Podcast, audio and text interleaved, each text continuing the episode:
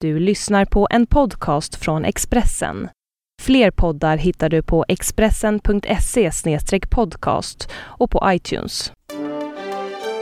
Det här är Expressen inifrån.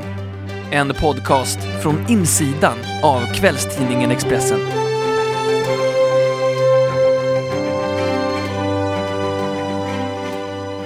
Han är en murvel. Han har kallats stjärnslaskreporter och han har svenskt rekord i PO-anmälningar. Han har svarat på Nigeria-brev, fått Stora Journalistpriset för Telub-affären och suttit utklädd som tiggare utanför riksdagshuset dagarna före jul. Han har också samlat sina murvelanekdoter i boken Tabloism. Efter 38 år som reporter på kvällstidningen Expressen är han numera pensionär och har nya spännande politiska uppgifter framför sig. Jag välkomnar förstås ingen mindre än Ingvar Hedlund. Varmt välkommen! Tack så mycket. Hur känns det för dig att komma in i det här rummet? Ja, I det här rummet har jag då suttit i decennier. Och det känns mycket märkligt för mig att komma in och se att eh, det är omgjort helt och hållet. Massa konstiga mikrofoner och konstiga mixerbord eller vad det heter för någonting. Det känns lite vemodigt samtidigt.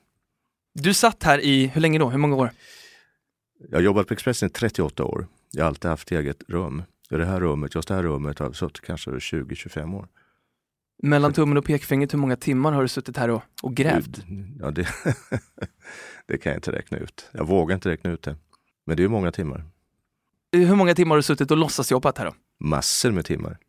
Då brukar jag stänga dörren så, då, så cheferna trodde att jag var väldigt upptagen. Då satt jag liksom tillbaka lutad och mediterade.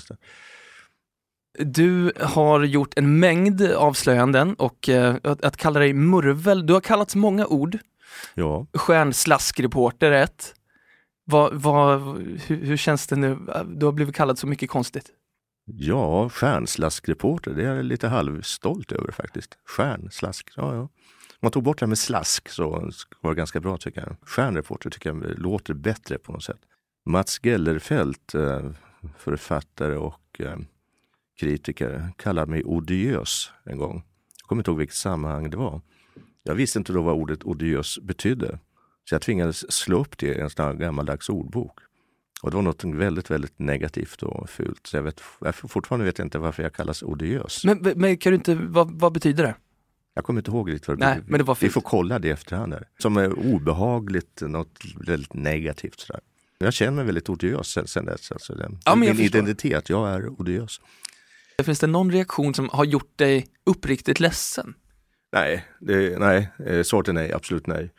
Eftersom jag skiljer på något sätt i någon mening då mellan det här professionella reporterjobbet och eh, mina privata känslor. Jag har inte deppat ihop på något. Man får, I det här jobbet, om man jobbar så länge som jag har gjort det, så man får naturligt så beredd. Om man skriver då artiklar som uppfattas som kontroversiella får man vara beredd på kritik och kommentarer och eh, negativa synpunkter och påhopp. Det är någonting som ingår tycker du? Det ingår ja. Du har jobbat med traditionell journalistik. Nu har ditt gamla arbetsrum som vi har pratat om gjorts om till en poddstudio. Och det här blir också en podd som eh, finns att eh, ladda ner på iTunes och Expressen.se. Den här utvecklingen framåt, vad tror du journalistiken väntar framöver ut, utvecklingsmässigt? Den tekniska utvecklingen accelererar ju sedan ett stort, ganska stort antal år tillbaka nu. Så det är en sak. Eh, tillgängligheten eh, 24 timmar om dygnet. Eh, det är en helt annan miljö nu i journalistiken än vad det var när jag började naturligtvis i yrket. Det är mycket, mycket hårdare konkurrens. Eh, internet har kommit, fanns ju inte förut. Eh, snabbheten och allting sånt. Det är så att säga den tekniska orsaken till att journalistiken möjligen förändras. Däremot så brukar jag säga så här att själva, jag har ju varit reporter 47 år faktiskt totalt. Grundjobbet, alltså hantverket att vara reporter, det är ingen stor förändring tycker jag. Man försöker då ha ett, försöker ha ett stort kontaktnät, man försöker få fram egna nyheter. Skrivandet är också i stort sett likadant. Även på min tid hade vi skrivmaskiner, nu är det något annat här. Men Alltså själva poänget som jag tycker, det är att själva hantverket som reporter eh, journalist då, eh, har inte nämnvärt förändrats. Jag tror inte att papperstidningarna kommer att dö. Några kommer att, naturligtvis att, försvinna, men jag tror att eh, den här formen med print, som vi i branschen kallar det, alltså papperstidningar, eh, kommer att överleva. Icke minst gäller det Expressen. Jag tror att Expressen finns om 20 år.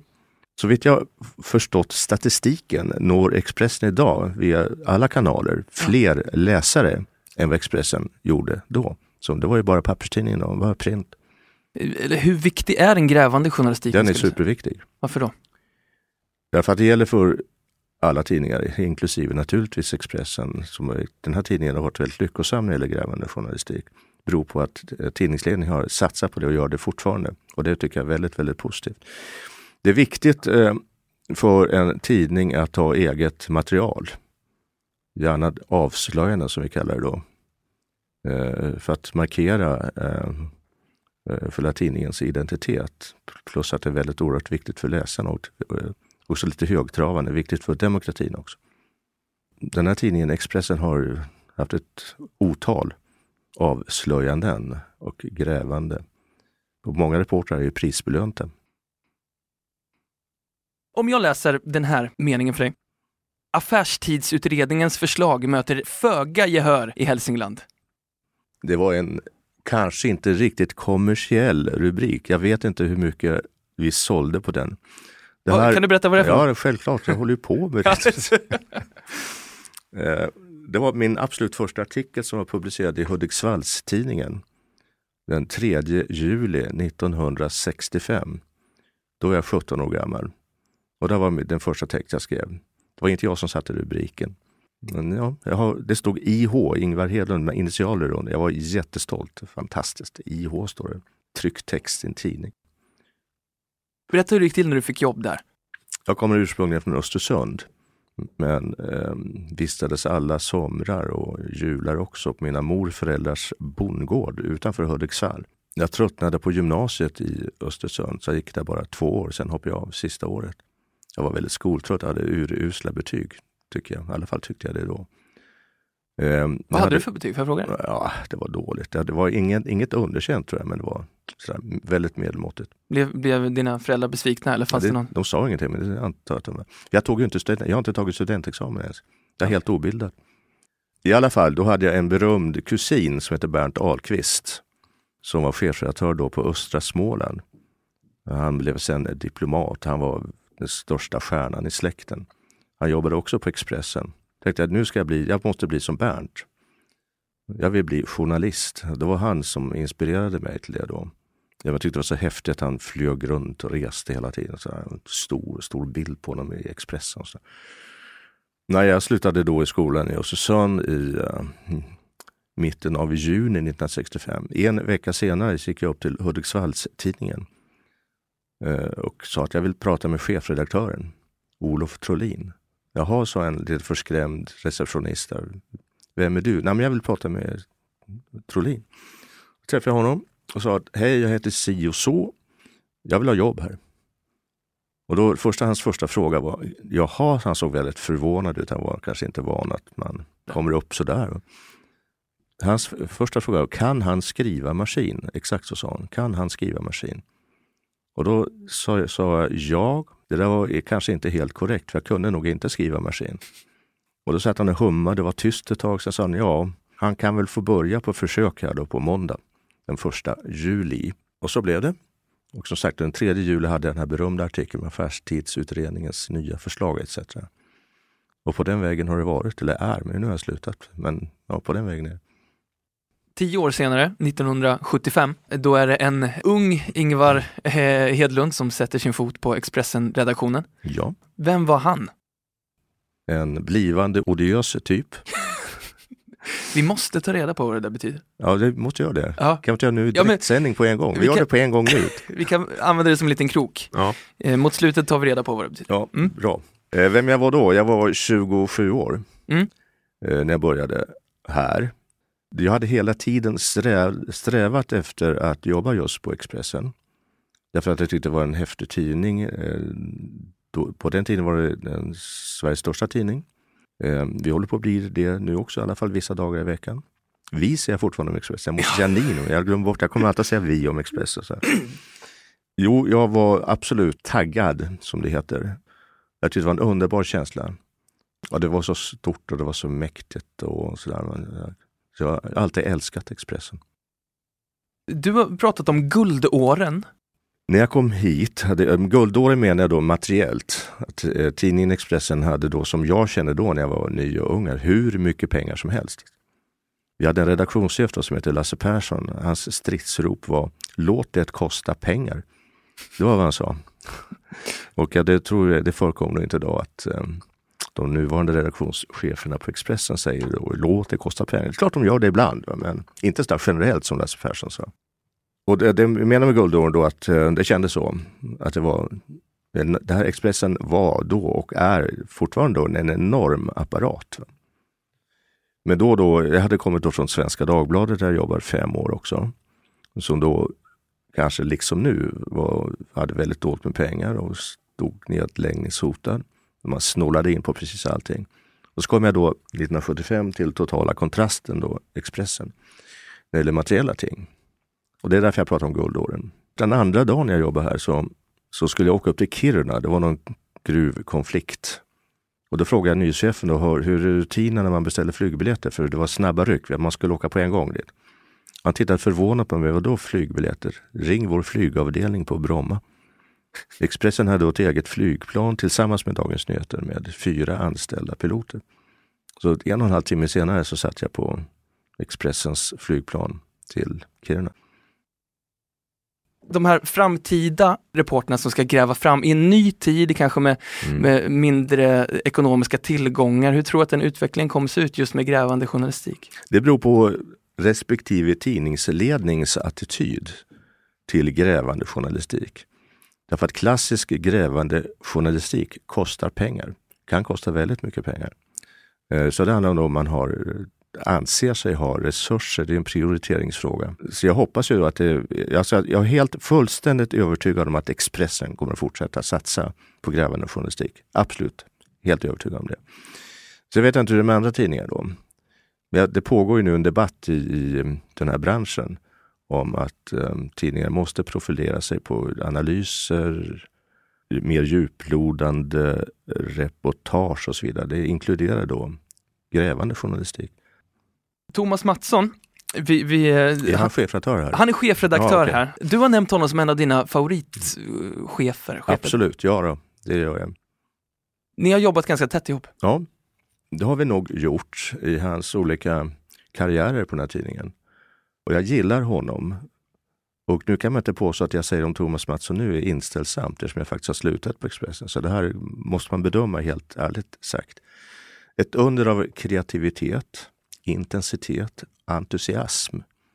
Eh, absolut perfekt högste chef för den här typen av tidning. Eh, jag undrar hur, om han sover överhuvudtaget någonting. Alltså han, han verkar alltid vara i tjänst, alltid jobba, bloggare och så här. Jätteimponerande. Han är omänsklig egentligen. När blev ert samarbete som, som tydligast och bäst? Ja, men alltså nu låter det som det är bara han och jag som har samarbetat eller han har bara samarbetat med en enda rapport. Så är det inte.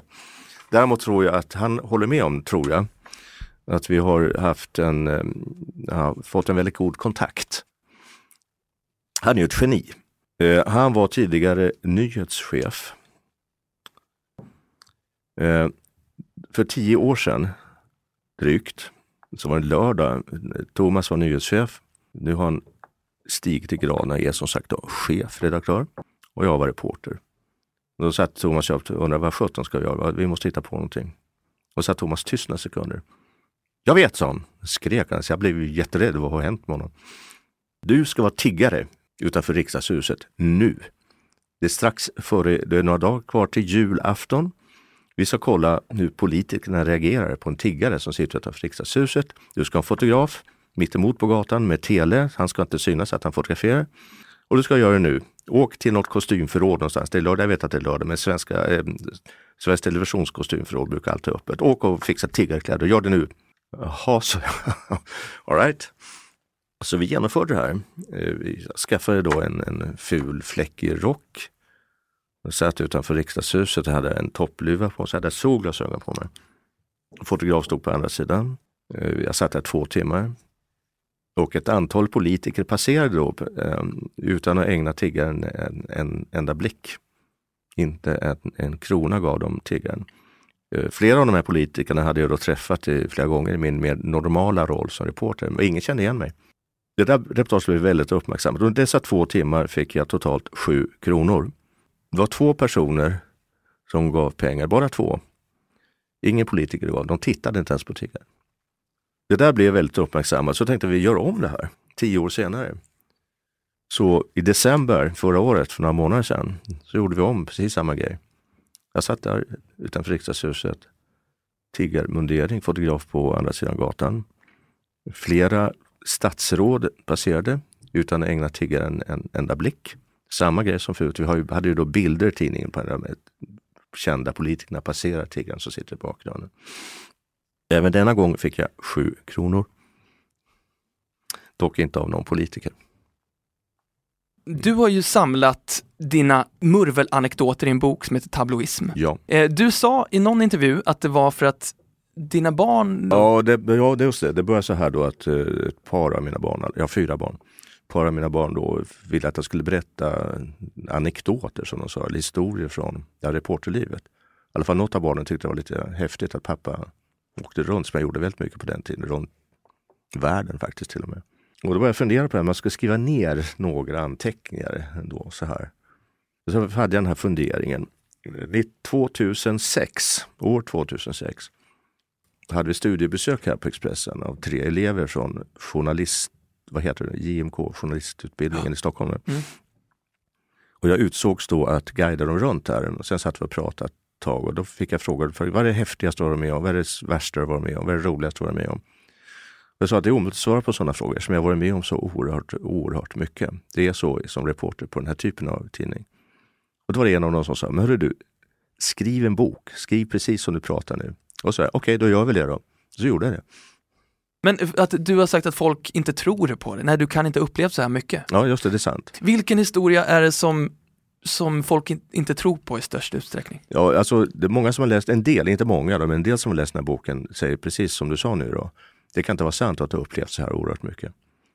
Och då menar de nog alltså antalet eh, historier som finns i den här boken.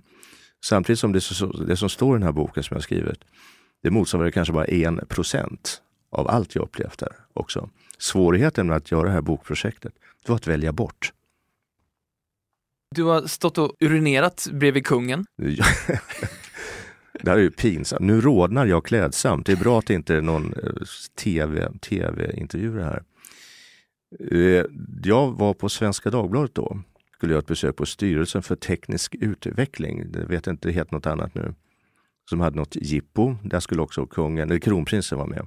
Uh, och då kände jag att jag ville, innan de började så urinera, så jag gick in då i det som heter pissoar. Jobbiga saker att ha att göra med tycker jag.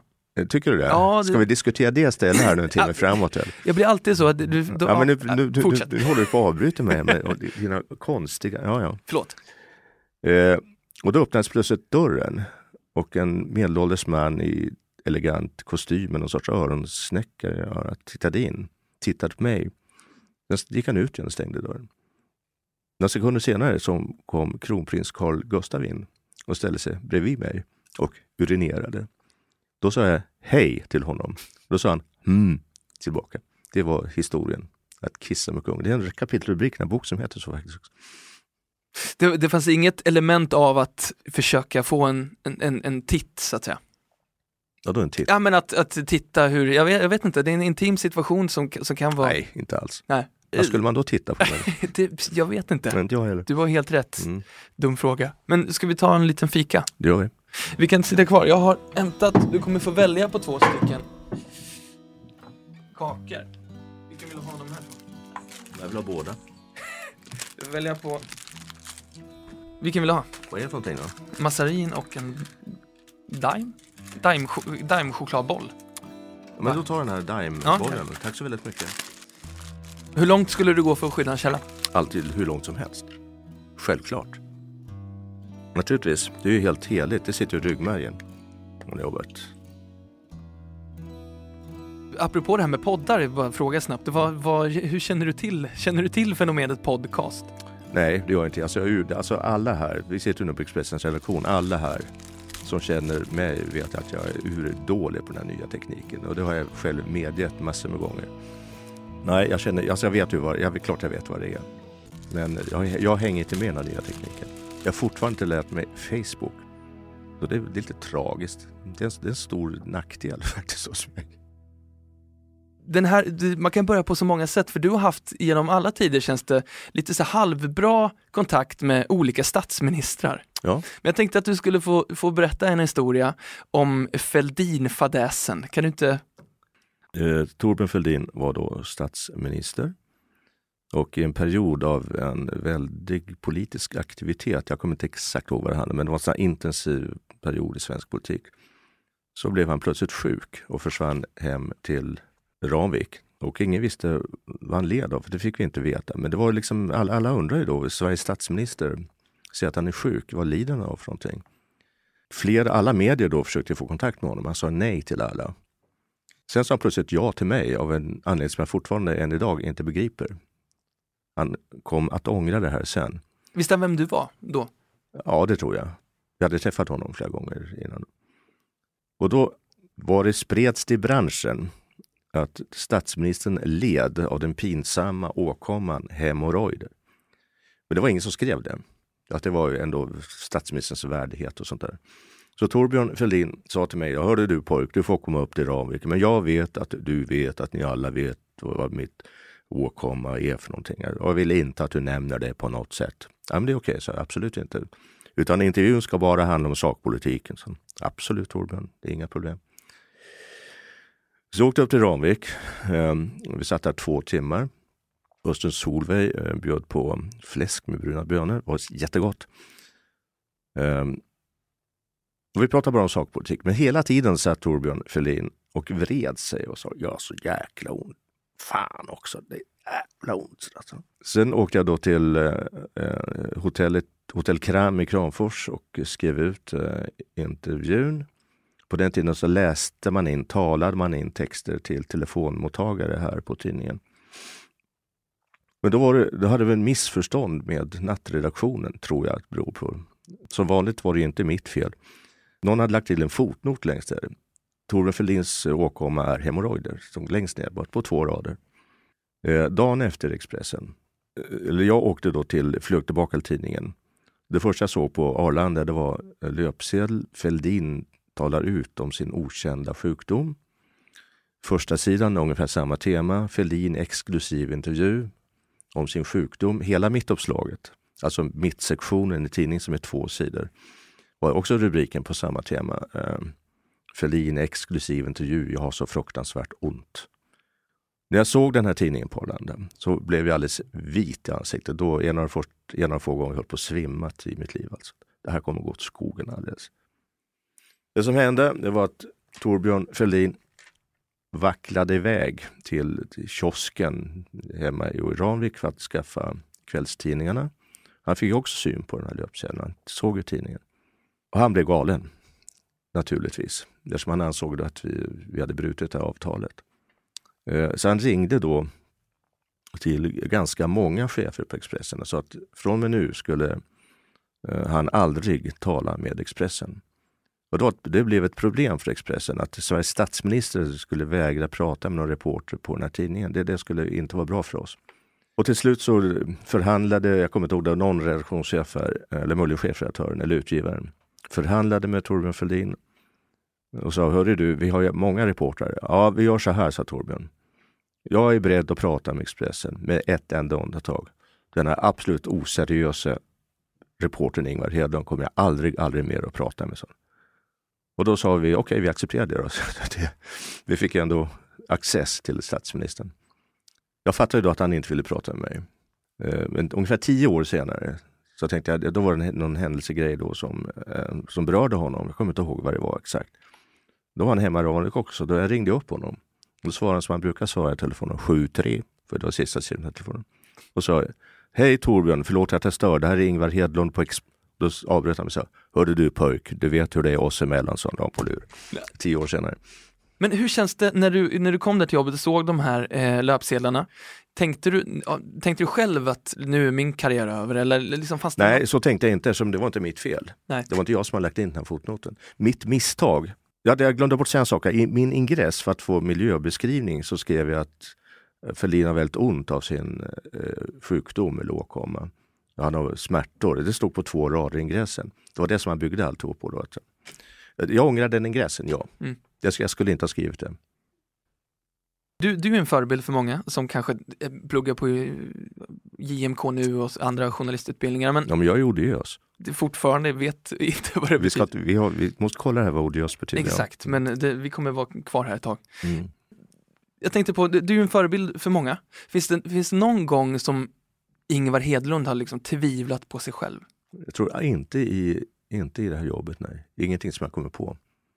Ja, jobbet, jag tycker det här jobbet i huvudsak har varit väldigt, väldigt roligt. Eh, men samtidigt väldigt slitigt. I vissa lägen då, när man jobbat väldigt mycket där förr i världen, då kunde man jobba nästan dygnet runt. När man lades på för mycket jobb av nyhetsledningen här, så brukar jag känna ibland, då kunde jag tvivla på min egen kapacitet. Men inget mer än så. Hur har det varit? Det har varit mycket jobb. Hur har det varit att rodda ihop ett privatliv samtidigt? Det är svårt att säga. Jag, vet inte, jag vill inte prata. Alltså det, jag är skild. Jag har fyra barn. Jag är skild två gånger dessutom. Eh, Jag har ju rest väldigt mycket. Jag har varit borta från familjen väldigt, väldigt mycket. Det är möjligt att, eh, jag vet inte, kanske har bidragit. Jag vet inte. Det är mitt fel. Känns det som att journalistiken har kommit i första hand? Det har varit så ibland periodvis, ja. Eller det, är svårt, det är också svårt att säga, men i alla fall från början var det nog så, tror jag. Att journalistiken kom nog i första hand. Men inte på senare år, det tycker jag nog inte. Inte sen jag började få barn, det tycker jag nog inte på det sättet. Men från början var det så. Du har ett kapitel i din bok som heter Ditt största scoop. Mm. Det gick obemärkt förbi. Ja, det gjorde det.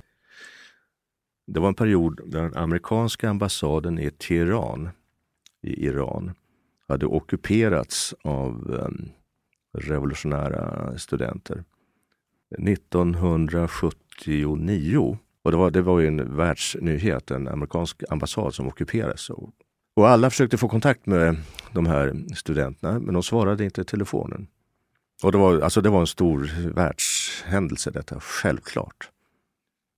Det var en lördag kväll strax före julen då, 79. Och det var ganska tråkigt och ganska lugnt. Det var inte så mycket att göra. Och då gick jag ut till nattchefen, nyhetschefen. Och sa, det, det händer ju ingenting. Så Nej, men försök hitta på någonting då, sa han. Brutalt sådär. Okej, sa jag. Jag ringer eh, amerikanska ambassaden i Teheran. Ja du, gör det, sa han. Och fortsatte röka. Det gjorde man på den tiden. Jag tänkte, ja, jag försöker väl ändå. Då. Så kollade jag först med mm, svenska nummerupplysningen. De hade två nummer till ambassaden, tre tror jag det var. Ringde de numren, inget, ingen kontakt alls. Fick jag kontakt med en nummercentral i Paris och fick, tror jag, 12 eller 14 telefonnummer till amerikanska ambassaden i, i Teheran. Och så började jag systematiskt ringa på alla de här numren. Och sen fick jag plötsligt, plötsligt kontakt med en person som talade god engelska och sa att han var ledare för den här gruppen studenter. Och jag jag presenterade mig och sa att jag var vem jag var då. Eh, svensk tidning. Han tyckte då Sverige är ett neutralt land så han kan väl prata då. Uppenbarligen hade den här killen så tråkigt när han satt där strax före jul och vaktade. Så att han beslöt sig då för att äntligen svara på alla de här ringande telefonerna som hade ringt på ambassaden i flera veckors tid. Så han, vi hade ett långt samtal. Jag hade bandspelat telefonen och bandet, på den tiden var det band, det rullade på så här.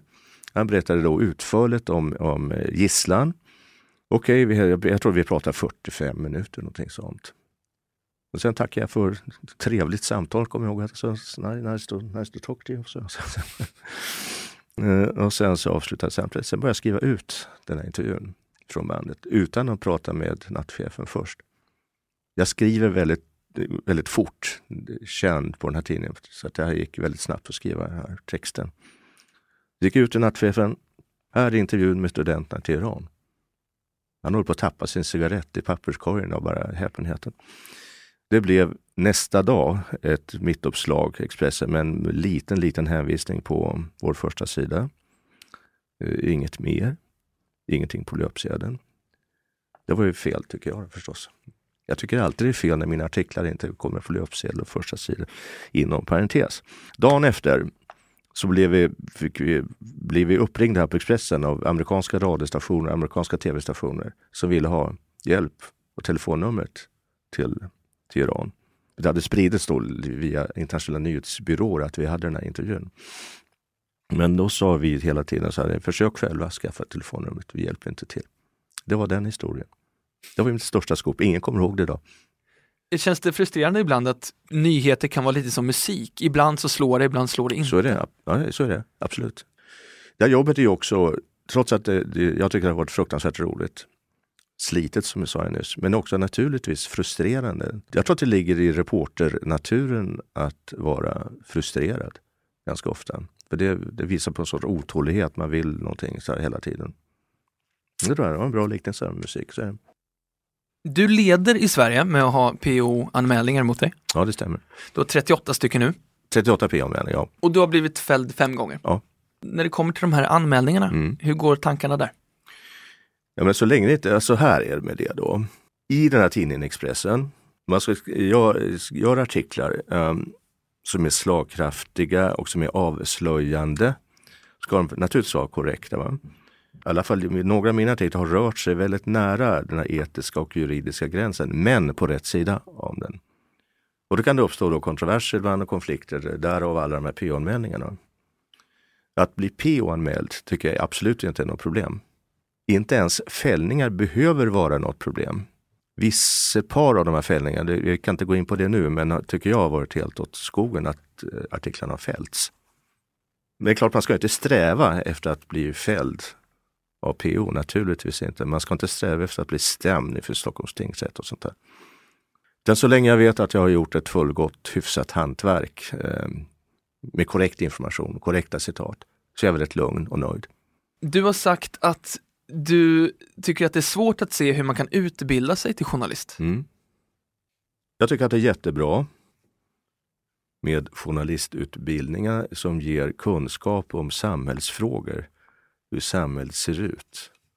Men jag tror inte man kan utbilda sig egentligen till att bli en, en bra journalist eller reporter då. Anser jag. Jag vet att det är andra som tycker att det här är häpnadsväckande uttalande från min sida, men det, det står jag för.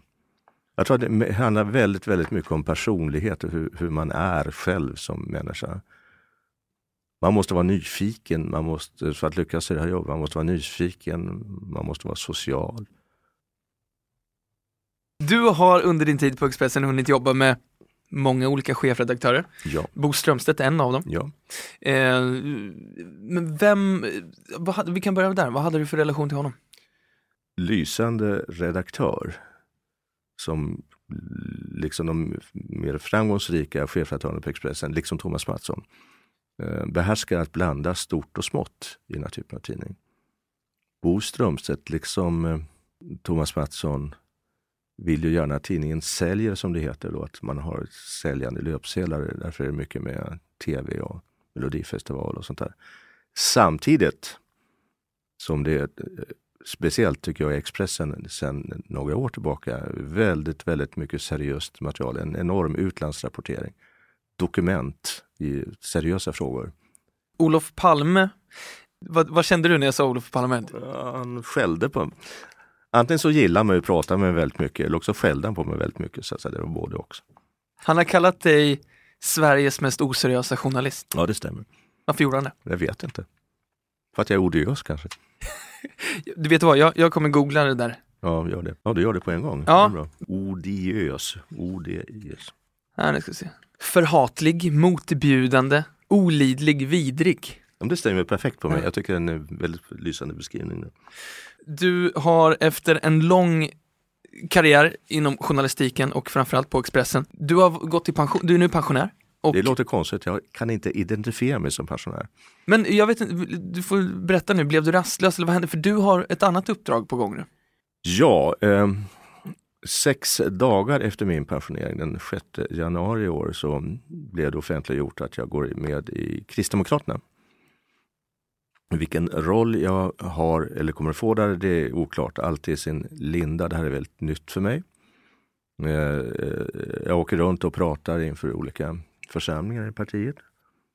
Jag blev omedelbart invald i eh, lokala, Kristdemokraternas lokalavdelning på Södermalm. Jag bor på Södermalm i Stockholm.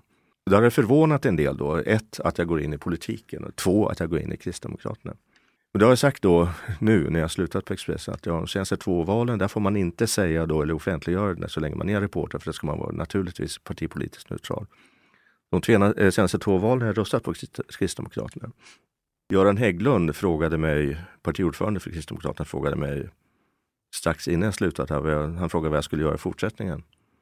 Då sa jag, jag vet inte, kanske något med politiken. Då sa han på skämtsamt, skämt, så här, ja men du är välkommen in i vårt parti här. Då sa jag, ja, möjligen det. Och sen så blev det så. Men som sagt, detta är sin linda, jag vet inte hur läget är, men jag, jag, eh, jag är, försöker vara aktiv i det här partiet. Kan du känna att det, att det fanns någonting där att det är svårt att vara o, o, opartisk som reporter? Alltså jag har fått frågan så här när det blev känt att jag går med i ett politiskt parti. Har, tror du att detta har påverkat någonting med dina artiklar? Svaret är absolut nej. Det har inte påverkat det minsta. Det skulle liksom direkt märkas man försökte vinkla ett förmån för något speciellt parti. Så här. Tack så hemskt mycket för att du kom. Bra, tack så mycket. Du har lyssnat på en podcast från Expressen. Ansvarig utgivare är Thomas Mattsson. Fler poddar hittar du på expressen.se podcast och på iTunes.